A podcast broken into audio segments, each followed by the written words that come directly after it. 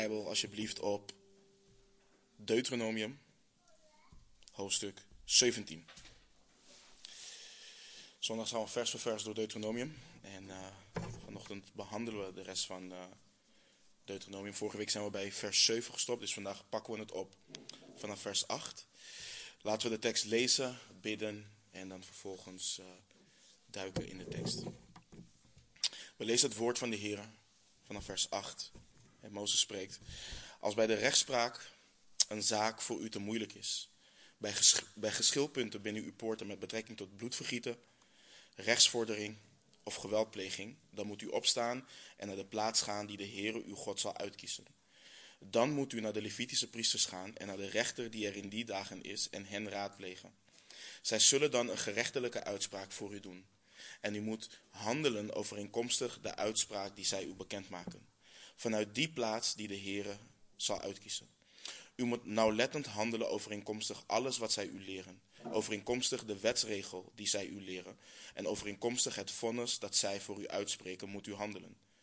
U mag van de uitspraak die zij u bekendmaken niet afwijken, naar rechts of naar links. De man echter die overmoedig handelt, door niet te luisteren naar de priester die daar staat om de Heere uw God te dienen, of naar de rechter, die man moet sterven. Zo moet u het kwaad uit Israël wegdoen. Laat heel het volk het horen en bevreesd zijn en niet meer overmoedig zijn. Wanneer u in het land komt dat de Heere uw God u geeft en u dat in bezit neemt en u erin woont en u dan zegt, ik wil een koning over mij aanstellen, zoals al de volken die rondom mij zijn, dan moet u voorzeker hem tot koning over u aanstellen, die de Heere uw God zal, verkiezen zal. Uit het midden van uw broeders moet u een koning over u aanstellen. U mag geen buitenlander over u zetten die uw broeder niet is.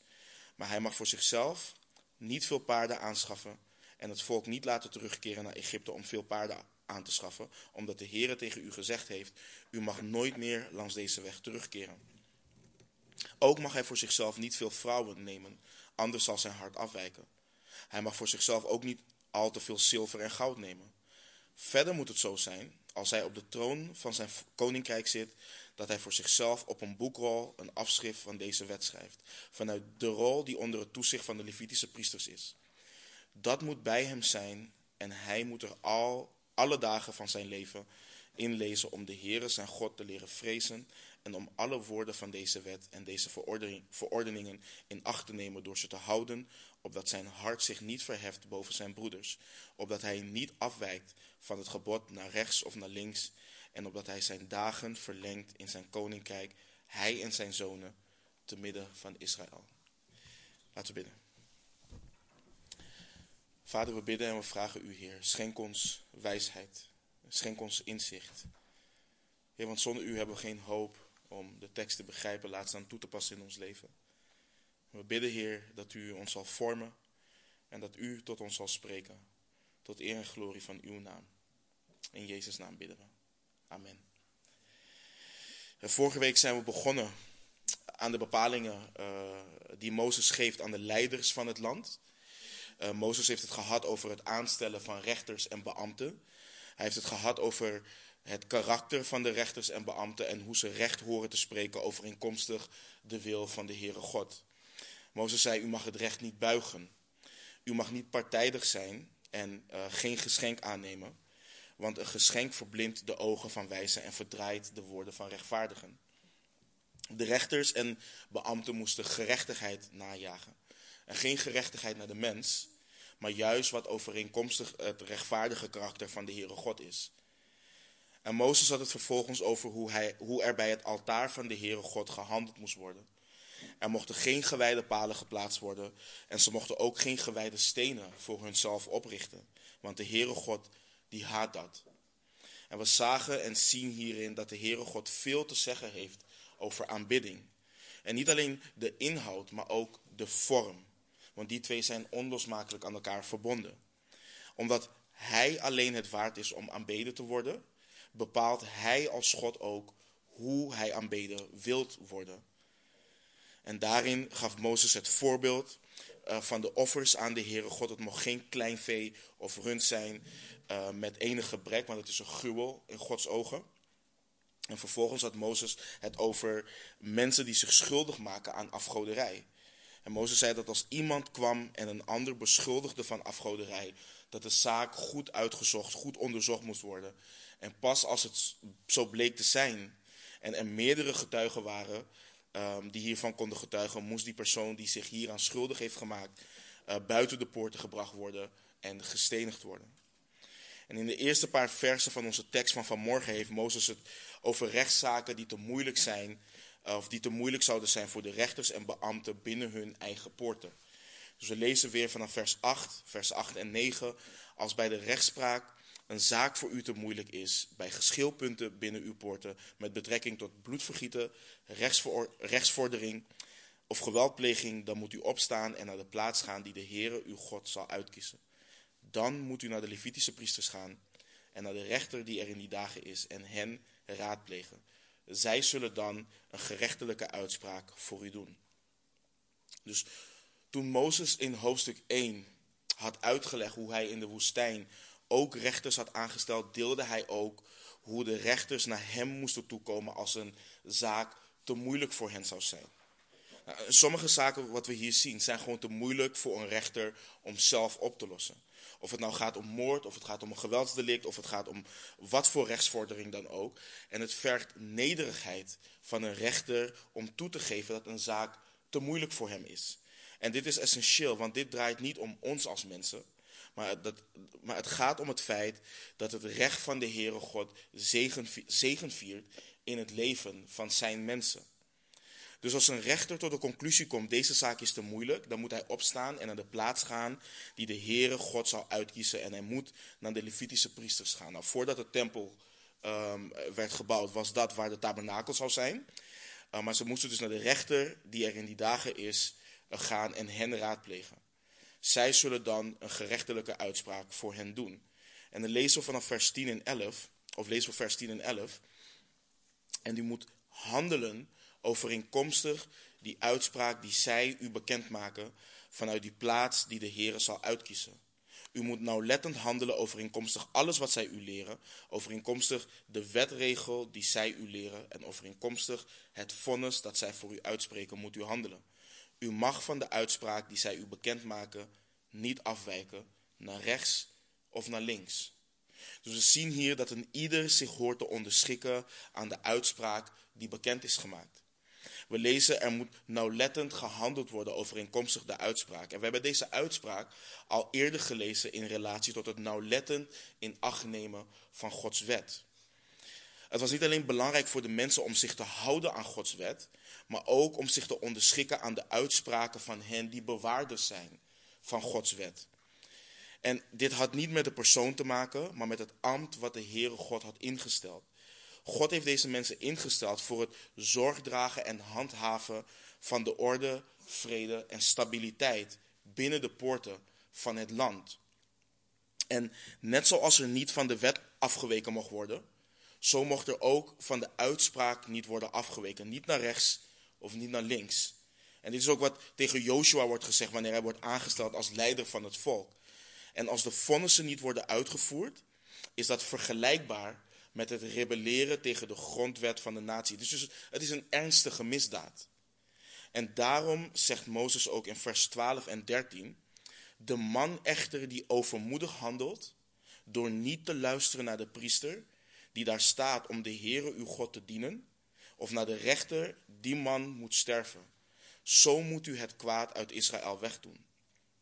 Laat heel het volk het horen en bevreesd zijn en niet meer overmoedig zijn. En let op het woord overmoedig. Dit schetst het idee van iemand die minachting toont voor de rechter of de priester. En de wortel van het woord, dat met overmoedig vertaald is, betekent opkoken. En het suggereert uh, een boze, een kwade afwijzing van de genomen beslissing. Je ziet daar dus een geest van rebellie, een geest van verzet geopenbaard worden. En men heeft alleen zichzelf daarmee, want je rebelleert namelijk niet tegen de priester of tegen de rechter. Je rebelleert altijd tegen de Heere God. En Mozes benadrukt ook dat er niet geluisterd wordt naar de priester die daar staat om de Heere God te dienen. Dus ook al manifesteert de ongehoorzaamheid zich wellicht tegen de rechter of tegen de priester, of tegen de uitspraak, uiteindelijk is het ongehoorzaamheid richting de Heere God. En dat is ook wat het een misdaad maakt. En dat is ook waarom die man dient te sterven, zegt Mozes.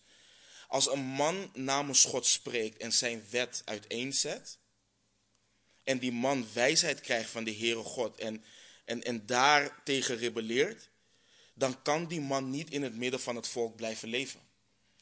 In 1 Samuel 15, vers 23, lezen we waarom rebellie, dus waarom opstandigheid een gruwel is in Gods ogen.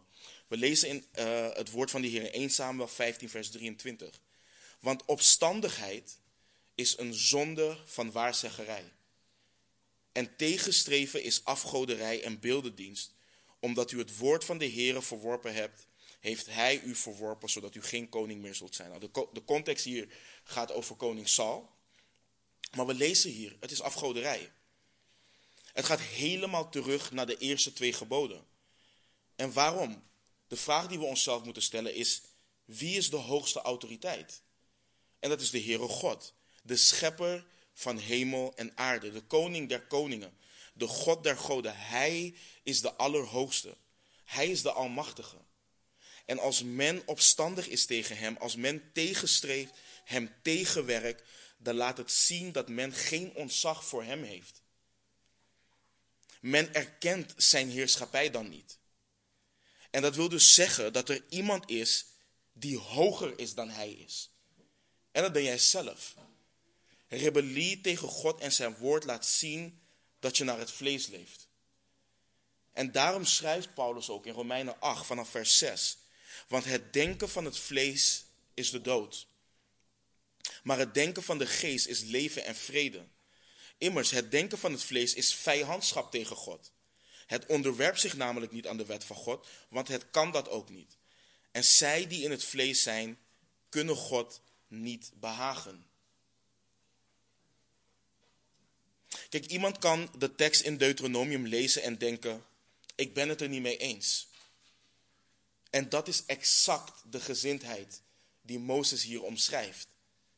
Je gaat tegen de rechtspraak van God in. En wat is het resultaat van deze ongehoorzaamheid als deze zaak niet wordt aangepakt? Want het blijft niet bij die ene die de, rechtszaak heeft die de rechtspraak heeft afgewezen. De ander gaat denken dat ook hij of zij kan handelen naar eigen wijsheid. En het kan zelfs nog verder gaan dat men het niet eens meer nodig acht om de Heere God te raadplegen. De geschillen worden dan naar eigen inzichten afgehandeld. En dan is er alleen maar verlies. Daarom zegt Mozes over die man, die man moet sterven. Het kwaad moet worden weggedaan uit het midden van Israël. En deze uitspraak hebben we meerdere malen gezien over het kwaad. In hoofdstuk 13 over de valse profeet en dromer. En we zullen in hoofdstuk 19 zullen we het tegenkomen als straf voor een vals getuigenis. En in hoofdstuk 22 wanneer het gaat om seksuele zonde. Maar ook in 1 Korinthe 5 wanneer Paulus de hoererij adresseert die in de gemeente daar plaatsvindt. We zien hier dus dat dit boven alles iets geestelijks is. Het kwaad wordt niet uit hun midden weggedaan omdat iemand het, niet ergens, of omdat iemand het ergens niet mee eens is of omdat iemand iets niet begrijpt. Nee, het kwaad moet uit hun midden worden weggedaan omdat er openlijk en actief wordt gerebelleerd tegen de Heere God. Onthoud wat ik zei net over het woord overmoedig. Dit spreekt van een kwade en boze afwijzing van de rechtspraak. En dit zou een, tot een voorbeeld zijn voor het volk, zodat ze zelf bevreesd zullen zijn en zelf ook niet meer overmoedig zullen zijn. En je ziet hier dus twee dingen. God geeft deze dingen opdat het volk ontzag voor hem zal hebben. God geeft dit niet zodat men in angst voor hem leeft, maar dat er respect is voor hem en zijn wet. En het zal tonen aan de rest dat de Heere God actief woont in het midden van zijn volk en actief betrokken is in ieder aspect van hun leven. En je ziet ook dat het volk leert om niet meer overmoedig te zijn. Wat ik net al zei, omdat de ene overmoedig is geweest, kan dit zijn effect hebben op het volk en zo ook anderen overmoedig maken. En voor ons als gemeente heeft dit ons veel te leren. Want tussen de regels door is het ongetwijfeld al opgevallen, maar vorige week stonden we er ook al bij stil. Onderling zouden we geschillen met elkaar moeten kunnen oplossen. Maar soms komen we er zelf niet uit. En dan kan het zijn dat je iets voor de opzieners of iets voor de gemeente zou moeten brengen. Eén of meerdere opzieners die dienen zich dan hierover te buigen, de Heere God te raadplegen, wijsheid te zoeken in het woord van God. En dan moeten ze met een oplossing komen, een goddelijke oplossing, een rechtspraak, een als het ware. En we zien dit bijvoorbeeld ook in Handelingen 6 gebeuren, wanneer er gemor ontstaat tussen de Grieks sprekenden en de Hebreeën. De weduwen van de Grieks sprekenden die werden over het hoofd gezien bij het uitdelen van voedsel. De apostelen roepen de menigte bijeen en komen tot een uitspraak. Zeven broeders moeten er geselecteerd worden om de tafels te bedienen. En deze zaak zie je dat het woord van de apostelen de menigte behaagde. Ze waren blij met de uitspraak. Maar je hebt ook wat we in Handelingen 15 tegenkomen. Paulus en Barnabas komen terug van, van zendingsreis. En er zijn enkele van de besnijdenis gekomen die hebben gezegd dat als de mensen zich niet lieten besnijden en niet aan de wet van Mozes hielden, ze niet zalig konden worden. En of, uh, Paulus en Barnabas die komen in opstand hiertegen. Want we weten dat zaligheid komt door genade. Maar ze komen er niet uit. En wat gebeurt er dan? Ze gaan met een groep naar de ouderlingen in Jeruzalem. En wat je uiteindelijk ziet, is dat wat er wordt bepaald, iedere keer overeenkomstig het woord van God is en daar niet van mag worden afgeweken. En toch zie je het heel veel in kerken dat dit wel wordt gedaan. Dat het woord van God opzij wordt gezet en men toch volgens eigen overleveringen gaat handelen. Ook al schrijft Paulus in Titus 3 dat we bijvoorbeeld de overheden en machtig onderdanig behoren te zijn, dat zij hun gehoorzaam zijn en dat zij tot elk goed werk bereid zijn, dat zij niemand belasteren, niet strijdlustig zijn, maar wel willen en alle zachtmoedigheid bewijzen aan alle mensen. Ook al schrijft Paulus dit, zie je hoe men hier tegen ingaat. Zie je toch hoe men discussies binnen een gemeente start. Nutteloze discussies. Discussies die niet gebaseerd zijn op het woord van God. Maar die gebaseerd zijn op de podcast van een of andere goddeloze man die al een hekel heeft aan de overheid. Maar zo kan het dus zijn dat er onderling een geschil is die te moeilijk is. En dan ga je naar de opziener. Of naar opzieners. En wanneer ze dan met een uitspraak overeenkomstig het woord van God komen, dan dient dit nauwlettend in acht genomen te worden. Want een opziener staat er niet om zichzelf te dienen, maar net zoals de Levitische priester om de Heere God te dienen. Het is Christus die zijn gemeente herders en leraars heeft gegeven. En waarom? In Efeze 4 lezen we vanaf vers 12. Lezen we precies waarom. Om de heilige toe te rusten tot het werk van dienstbetoon. Tot opbouw van het lichaam van Christus. Totdat wij allen komen tot de eenheid van het geloof en van de kennis van de Zoon van God. Tot een volwassen man, tot de maat van de grootte van de volheid van Christus opdat wij geen jonge kinderen meer zouden zijn, heen en weer geslingerd door de golven en meegesleurd door elke wind van leer, door het bedrog van de mensen om op listige wijze tot dwaling te verleiden. Maar dat wij, door ons in liefde aan de waarheid te houden, in alles toe zouden groeien naar Hem die het hoofd is, namelijk Christus. Paulus zegt ook tegen de leiders in Efeze dat ze opzieners zijn gemaakt door de Heilige Geest. Waarvoor? Om de gemeente van God te wijden. Daarvoor zegt Paulus dat hij heel het raadsbesluit van God heeft verkondigd. Dat is wat een opziener hoort te doen. En wanneer een opziener dat doet, dient er nauwlettend overeenkomstig Gods woord gehandeld te worden. Het dient in acht genomen te worden. Niet om wie de opzieners zijn, maar omdat het het raadsbesluit is van de Heere God. En wat hebben we hier tegenwoordig moeite mee? Omdat egocentrisme de kerk is ingeslopen. En het is niet zoiets dat sluimert, het heerst in veel kerken. De gedachte en de uitspraak, ik weet dat dit er staat, ik weet dat God dit zegt, maar. Het kan wel zo zijn dat het in Gods woord staat, maar ik ben het er gewoon niet mee eens. Ik weet dat dit God zegt, maar het is, het, het is zwaar. Ik ga het gewoon niet doen. Kunnen we niet gewoon allemaal even wat losser zijn? En zo heb, ik, zo heb ik niet alleen gezien, maar ook gehoord van gevallen waarin werd opgedragen tot onderlinge verzoening. Tot bekering overeenkomstig het woord van God, maar men gewoon weigert.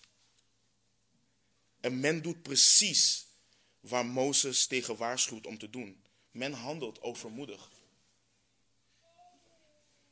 En in het Nieuwe Testament wordt veel hierover geschreven. Paulus schrijft bijvoorbeeld aan de Thessalonicense in 1 Thessalonicense 5, vers 12 en 13. En wij vragen u, broeders, hen te erkennen die onder u arbeiden. U leiding geven in de Here en u terechtwijzen. En hen uitermate hoog te achten in liefde. Om hun werk. Leef in vrede met elkaar. Nadat de auteur van Hebreeën in het dertiende hoofdstuk heeft geschreven dat er aan de voorgangers gedacht moet worden en op de uitkomst van hun levenswandel gelet moet worden, staat er in hetzelfde hoofdstuk in vers 17: Gehoorzaam uw voorgangers en wees hun onderdanig, want zij waken over uw zielen omdat zij rekenschap moeten afleggen, opdat zij dat mogen doen met vreugde en niet al zuchtend. Dat heeft immers voor u geen nut. En het volstaat te zeggen dat dit allemaal geestelijk is. Het is allemaal geestelijk. Maar wat we dienen te beseffen is dat dit niet iets is wat een opziener hoort op te dragen of te forceren binnen de gemeente en wat de gemeente als het ware met lange tanden hoort te doen. Dit dient in gehoorzaamheid en in vreugde gedaan te worden aan de Heer tot eer en glorie van onze Heer Jezus Christus. Want Hij heeft dit ambt gegeven binnen het lichaam. En net zoals de Heere God gerechtigheid wilt binnen het volk Israël, zo wilt Hij dit ook binnen het lichaam van de Heere Jezus Christus. En zoals de rechters toen werden opgedragen om het kwaad uit hun midden te doen, opdat het volk bevreesd zou zijn en niet meer overmoedig zou zijn, zo dienen de opzieners dat vandaag de dag ook te doen als dit speelt. Paulus schrijft aan Titus in Titus 3, in vers 10, verwerp een kettersmens na een eerste en tweede terechtwijzing Weet dat zo iemand het spoor bijster is en dat hij zondig en het oordeel al in zich draagt. In 2 Thessalonicense 3, vers 6.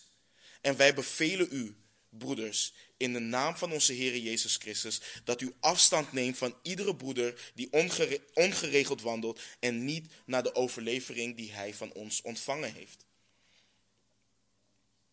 Het dient een nederig maken en ontzagwekkend effect te hebben op de heiligen. We zagen hetzelfde ook bij Ananias en Safira in Handelingen 5 vers 11. Nadat zij stierven en nadat zij begraven werden, dat lezen we.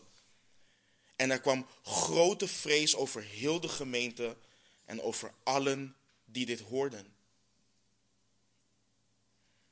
Of wanneer Paulus opdraagt om opzieners die zich niet bekeren publiekelijk terecht te wijzen. Waarom? 1 Timotheus 5 vers 20. Wijs hen die zondigen in tegenwoordigheid van allen terecht, opdat ook de anderen vrees zullen hebben. Weet je, broeders en zusters, wat wij echt moeten leren, en ik refereer niet naar een specifieke situatie nu, maar wat we echt gewoon moeten leren met elkaar. En wat we echt dienen te beseffen als, als kerk, als discipelen van de Heer Jezus Christus is dat we apart zijn gezet. Geroepen uit de wereld met een glorieuze roeping door onze Heer Jezus Christus. We zijn geen burgers van deze wereld. We zijn burgers van een hemels koninkrijk, van Gods koninkrijk. En we leefden een leven waarin alles om ons draaide. Alles draaide om ons. Onze verlangens, onze wensen, onze begeerten, onze eigen dromen. We waren onze eigen God. Maar Christus heeft ons verlost uit dat nutteloze leven. Hij heeft onze ogen geopend en laten zien dat we onverstandig waren, ongehoorzaam, dat we dwaalden. En hij is ons zo genadig en zo barmhartig geweest. En hij is dat iedere dag nog. Maar hij riep wel op dat allen die achter hem aan willen gaan, zichzelf dienen te verloochenen. Ze dienen hun kruis op te nemen. Ze dienen te sterven aan zichzelf. Er is geen andere manier om achter de Heer Jezus Christus aan te gaan. En wanneer je als zijn schaap zijn roepstem hebt gehoord en achter hem bent aangegaan, wanneer je de zwaarte van je zonde hebt ervaren en je hebt bekeerd en de bovennatuurlijke wedergeboorte hebt, uh, hebt ervaren, dat je uit God geboren bent, dan word je geplaatst binnen het lichaam van de Heer Jezus Christus. En dan is Hij het hoofd. Hij regeert. De kerk is het huis van God. En binnen het huis van God geeft Hij de bepalingen. Ik kan, ik, ik kan niet jullie huis binnenkomen en zeggen waar jullie bank hoort te staan. Ik kan niet jullie huis binnenkomen en, beginnen, en, en dingen beginnen aan te passen in jullie huis. Jullie zouden zeggen, het is brutaal, wat is dit? En we moeten onze harten dan toetsen en vragen, kunnen wij dat in het huis van God doen? Absoluut niet. Dat kan niet. Maar als we dat wel hebben, dan moeten we de vraag stellen, ben ik daadwerkelijk uit God geboren? Als het in mijn hart kan opkomen dat ik kan en wil bepalen wat en hoe het in het huis van God eraan toe gaat, dan moet ik mezelf echt afvragen: ben ik uit God geboren, ja of nee? Want dan heb je geen nederig hart wat beseft dat Christus hoofd van zijn gemeente is en dat hij regeert. Iemand die niet geboren is uit God heeft, een geest, heeft, geen, heeft niet de geest van God, maar een geest van rebellie.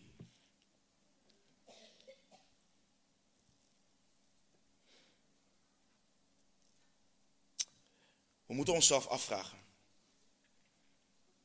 Als ik het allemaal zo zwaar vind en als ik het niet kan verdragen, wat zegt dat over mijn eigen hart? Wat zegt dat over de persoonlijke relatie die ik beleid te hebben met de Heer Jezus Christus? Ben je dankbaar voor de rechtspraak van God? Ben je dankbaar voor het woord van God? En ben je dankbaar dat bijvoorbeeld in deze gemeente dat God opzieners heeft aangesteld die niet hun eigen wil zoeken, die niet hun eigen belang zoeken, die niet jouw belang zoeken, maar de gerechtigheid van de Heere God. Die willen dat wij allen minder worden en dat Christus meer wordt. Dat is een van de dingen die deze lokale gemeente, maar die iedere gemeente van de Heer Jezus Christus hoort te kenmerken, net zoals het ook in Israël zo hoorde te zijn. Nadat Mozes het heeft over de rechtspraak, of heeft gehad over de rechtspraak, onderwijst hij Israël aangaande het aanstellen van een koning de, en de plichten van de koning van Israël. We lezen versen 14 en 15. Wanneer u in het land komt dat de Heere uw God u geeft, en u dat in bezit neemt en u erin woont, en u dan zegt, ik wil een koning over mij aanstellen, zoals al de volken die rondom mij zijn, dan moet u voorzeker hem tot koning over u aanstellen, die de Heere uw God verkiezen zal. Uit het midden van uw broeders moet u een koning over u aanstellen. U mag geen buitenlander over u zetten die uw broeder niet is. Dus Mozes voorziet een tijd waarin de Israëlieten zullen vragen om een koning zoals de volken rondom hen. Aan de ene kant is dit altijd in Gods soevereine plan geweest. Aan de andere kant is het tragisch, want het is de bedoeling dat God altijd zelf de koning was geweest over Israël. En het is dus ook niet zo, nogmaals, dat dit uit het niets kwam. Want de Heere God had voor de grondlegging van de wereld al bepaald dat Christus de zoon van David zou zijn. Maar je ziet hier dat God het hart van de mensen en van zijn volk kent. In 1 Samuel 8, als je daar naartoe gaat, lezen we hoe het volk Israël om een koning vraagt. We lezen daar vanaf vers 1. Het gebeurde nu toen Samuel, de profeet, oud geworden was. Dat hij zijn zonen tot richters over Israël aanstelde. De naam van zijn eerstgeboren zoon was Joël. En de naam van zijn tweede was Abia. Zij waren richters in Berseba. Maar zijn zonen gingen niet in zijn wegen. Zij waren uit op winstbejag. Namen geschenken aan en bogen het recht. Alles waar we over lezen. En toen kwamen alle oudsten van Israël bijeen. En zij kwamen bij Samuel in Rama. En zij zeiden, zij zeiden tegen hem: Zie, u bent oud geworden en uw zonen gaan niet in uw wegen. Stel daarom een koning over ons aan om ons leiding te geven zoals alle volken. En toen zij zeiden, geef ons een koning om ons leiding te geven, was dit woord kwalijk in de ogen van Samuel. En Samuel bad tot de Heer. Maar de Heer zei tegen Samuel, geef gehoor aan de stem van het volk in alles wat zij tegen u zeggen. Want zij hebben u niet verworpen, maar mij hebben zij verworpen, dat ik geen koning over hen zou zijn. Zo lezen hier hoe jaren nadat Mozes dit zegt, het volk om een koning vraagt zoals alle volken. God staat er toe, maar daarin zegt hij wel dat ze hem als koning hebben verworpen. Het tragische is wanneer het volk van God, wat apart gezet is, de dingen van de wereld wilt. De dingen als de wereld wilt. En we zien dit in zoveel kerken vandaag de dag. Men wil muziek als de wereld, entertainment als de wereld, leiders als de wereld, gemotiveerd worden als de wereld. Maar zo hoort het niet te zijn.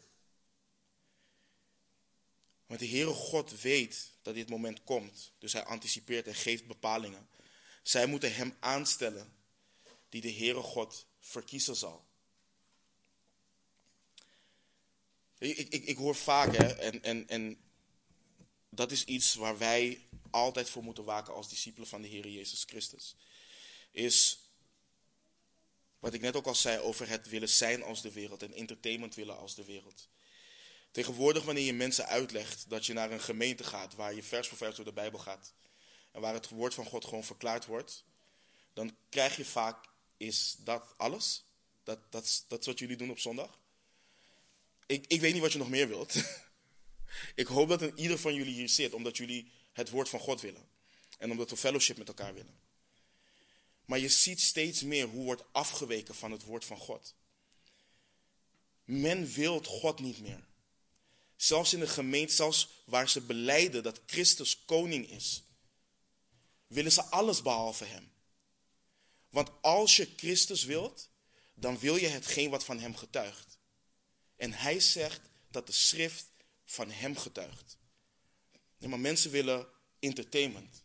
Ze willen vallen op de grond. Ze willen rollen op de grond. Ze willen spreken in talen en allemaal dat soort dingen. Maar dat is niet waar het, dat, dat, dat is niet waar het woord van God over spreekt.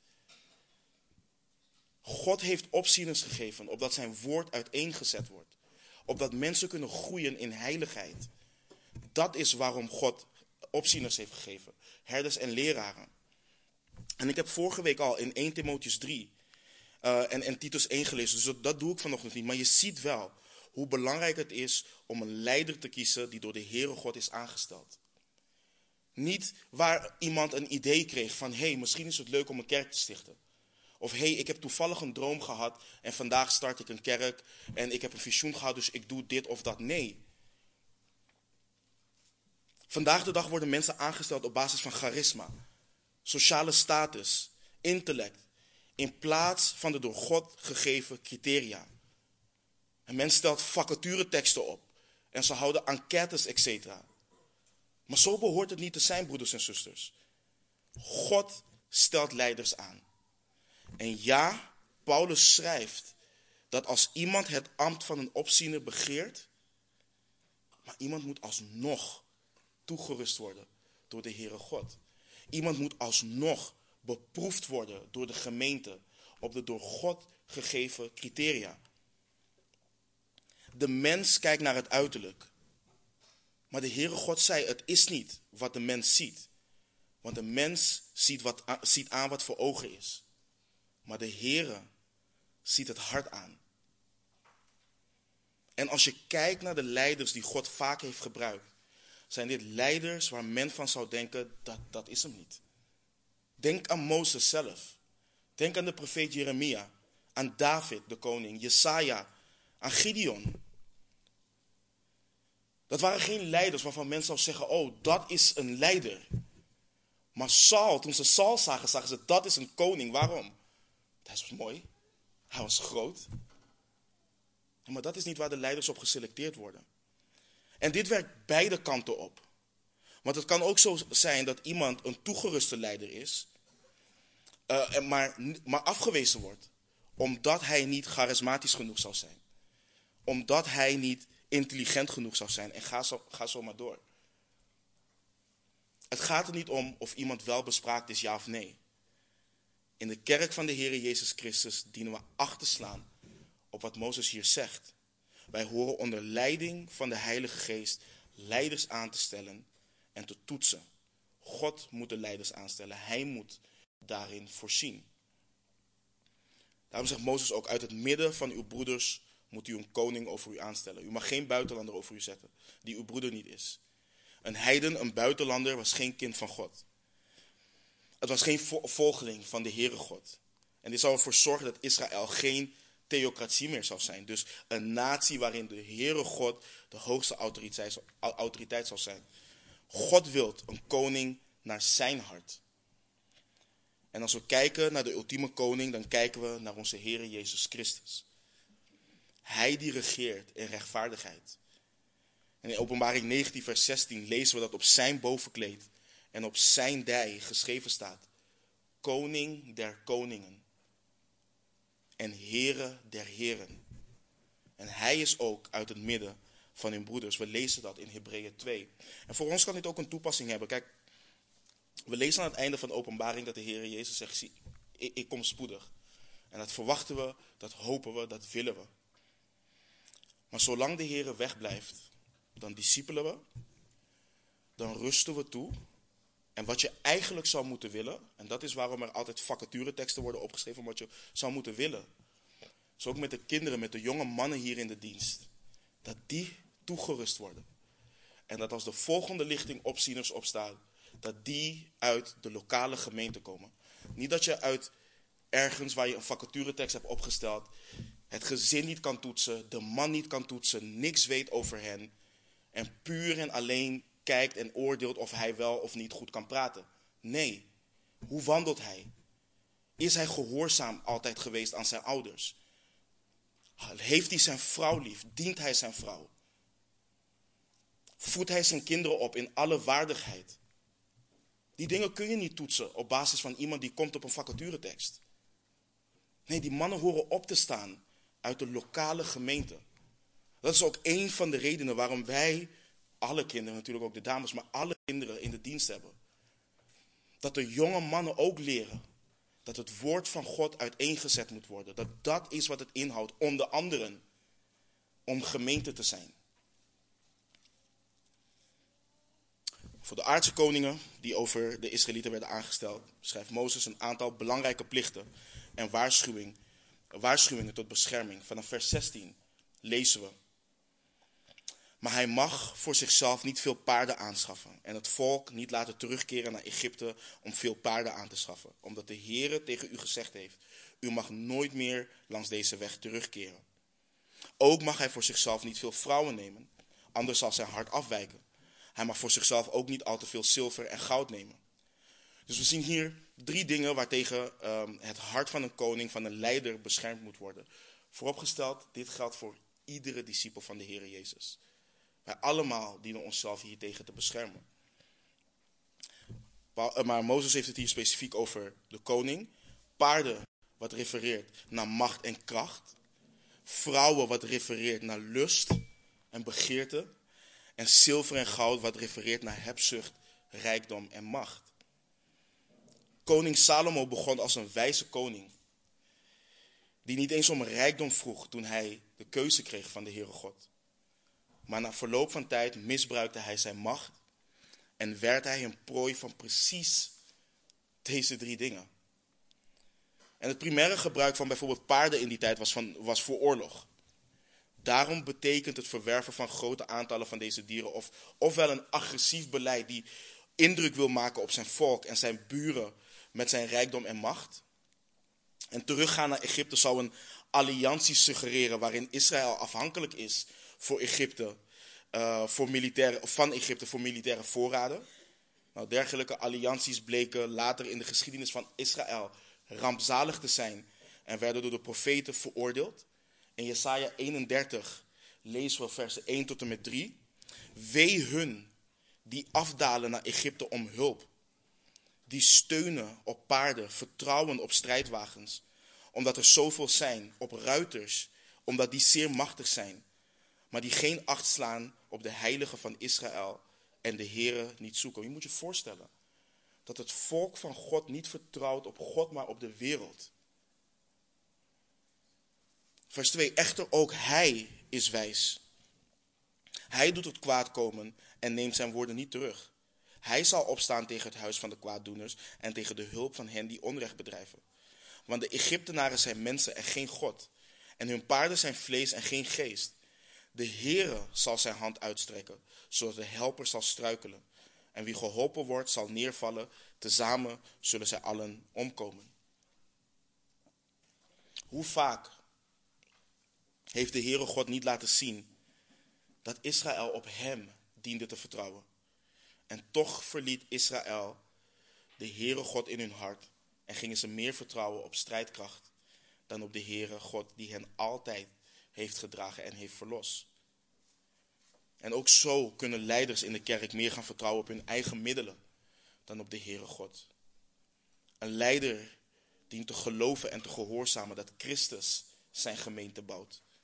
Hij dient niet te vertrouwen op de krachten en middelen van deze wereld, om de discipelen van de Heere Jezus Christus te dienen.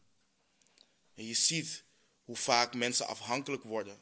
Je ziet in, in veel kerken hoe leiders in afhankelijkheid van de Heere Jezus en in de kracht van de Heilige Geest beginnen.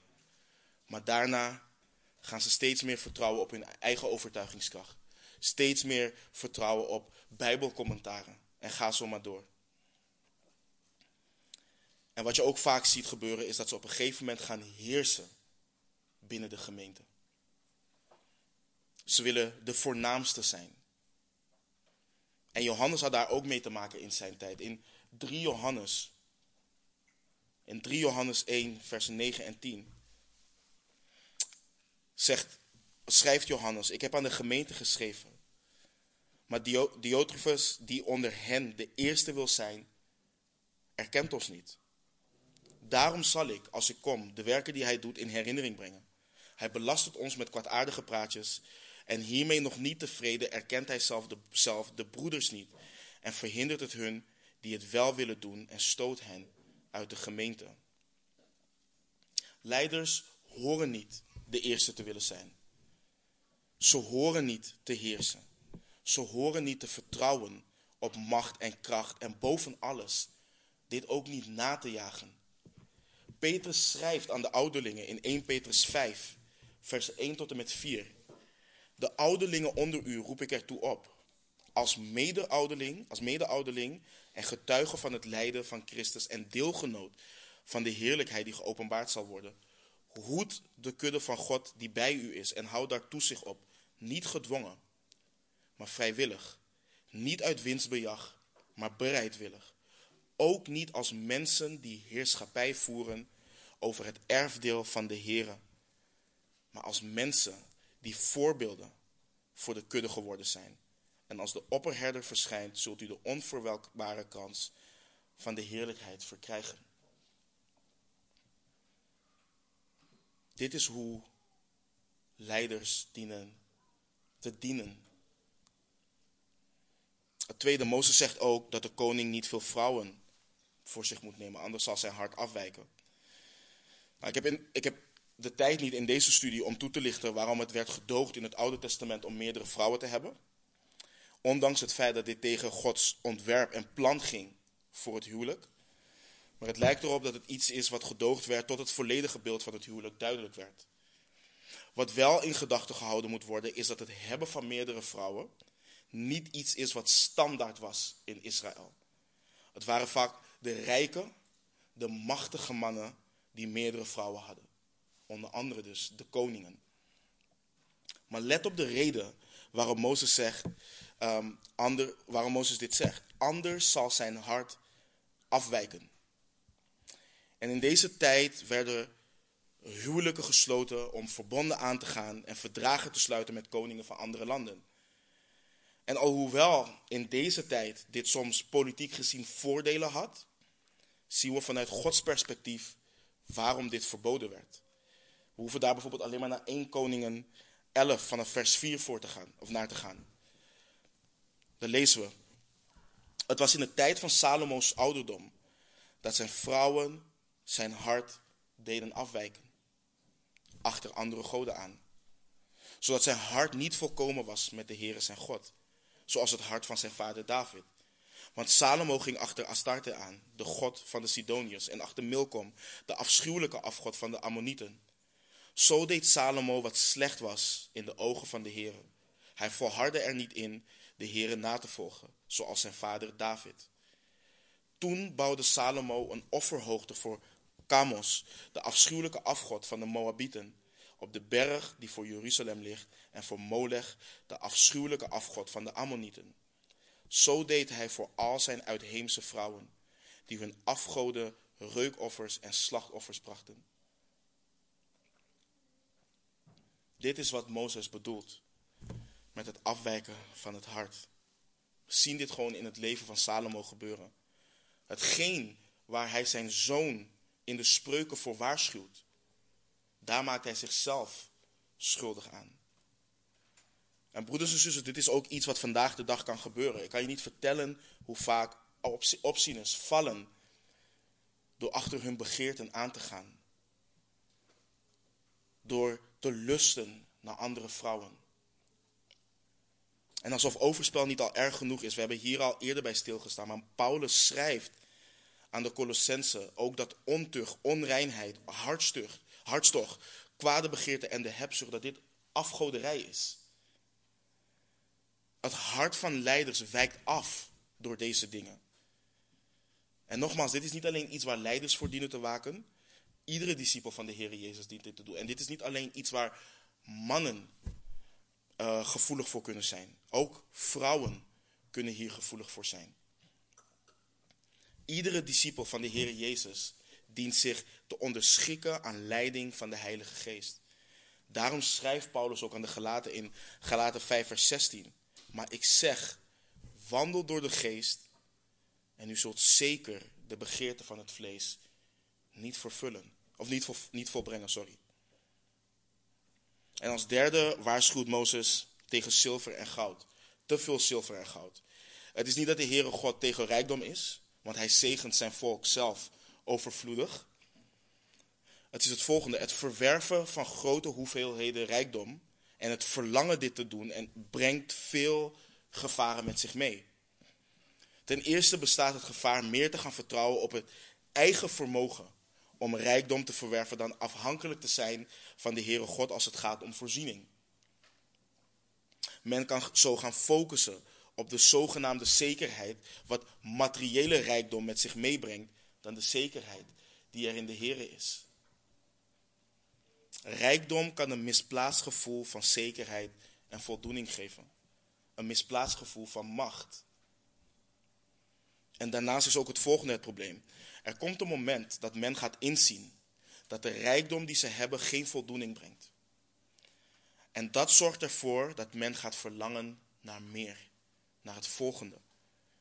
En om meer rijkdom te verwerven gaan ze vaak hun bijbelse, hun goddelijke principes opzij zetten om die te verwerven. Daarom zegt de Heer Jezus dat we niet God en de mammon kunnen dienen. Want de mammon maakt je een slaaf en geeft je een onverzadigbare drang naar meer. En daar moet voor gewaakt worden. Wanneer je, want wanneer je continu meer wilt, laat het zien dat je niet dankbaar bent voor hetgeen wat de Heere God je gegeven heeft. En broeders en als je kijkt naar veel van die megakerken om je heen, waar die zogenaamde pastoors en profeten en apostelen, dan zie je dat er geen acht wordt geslagen op deze dingen. Waarin men beleidt een privéjet nodig te hebben om rond de wereld te gaan en het evangelie te verkondigen. En dat is dan aan de extreme kant. Maar zo heb je het, dat het begint met hele kleine dingen. Het begint altijd heel klein. En daarna willen ze meer. Mensen die huizen van miljoenen euro's hebben. Auto's die meer waard zijn dan onze huizen en ga zo maar. Discipelen en vooral leiders dienen deze waarschuwingen in acht te nemen, opdat men niet valt en in een strik van de duivel terechtkomt.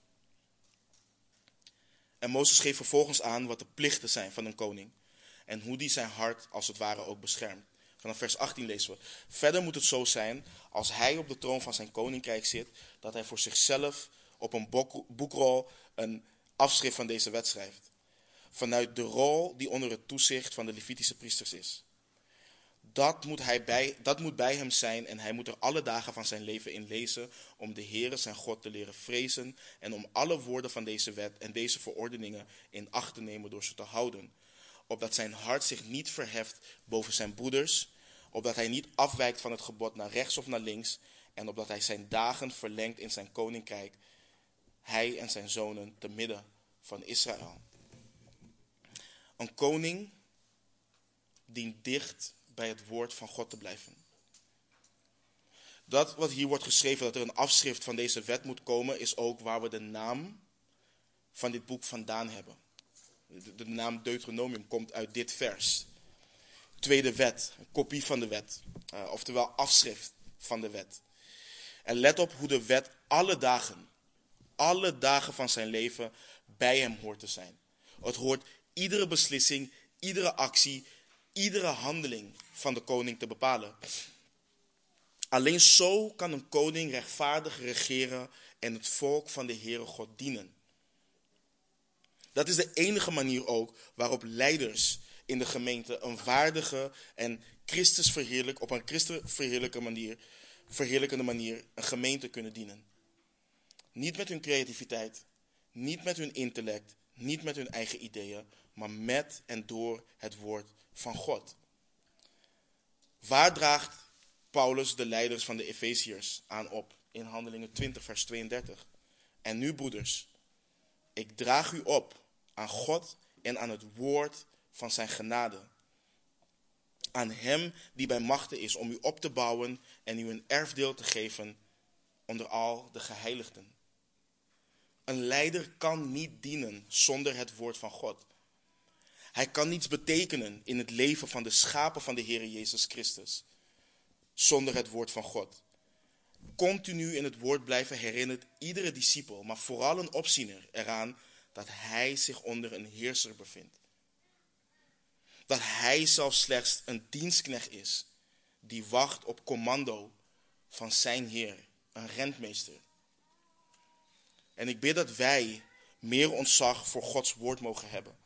Dat we onszelf zullen onderschikken aan zijn woord en dankbaar zijn voor de overleveringen.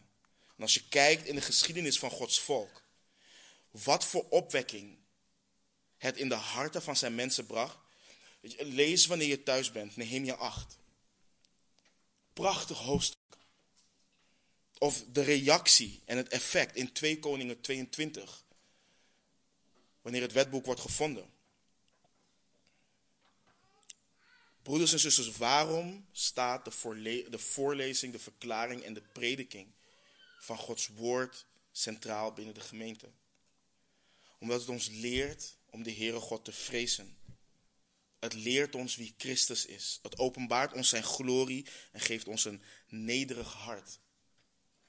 Let op hoe de koning, als hij in het woord van God blijft, zijn hart niet kan verheffen boven zijn broeders. Als wij in het woord van God zijn, hebben wij ook een nederig hart richting elkaar. We beseffen dat we allemaal mede-erfgenamen zijn van de genade in de Heer Jezus Christus. Ik heb niet meer genade dan jullie en jullie hebben niet meer genade dan ik heb.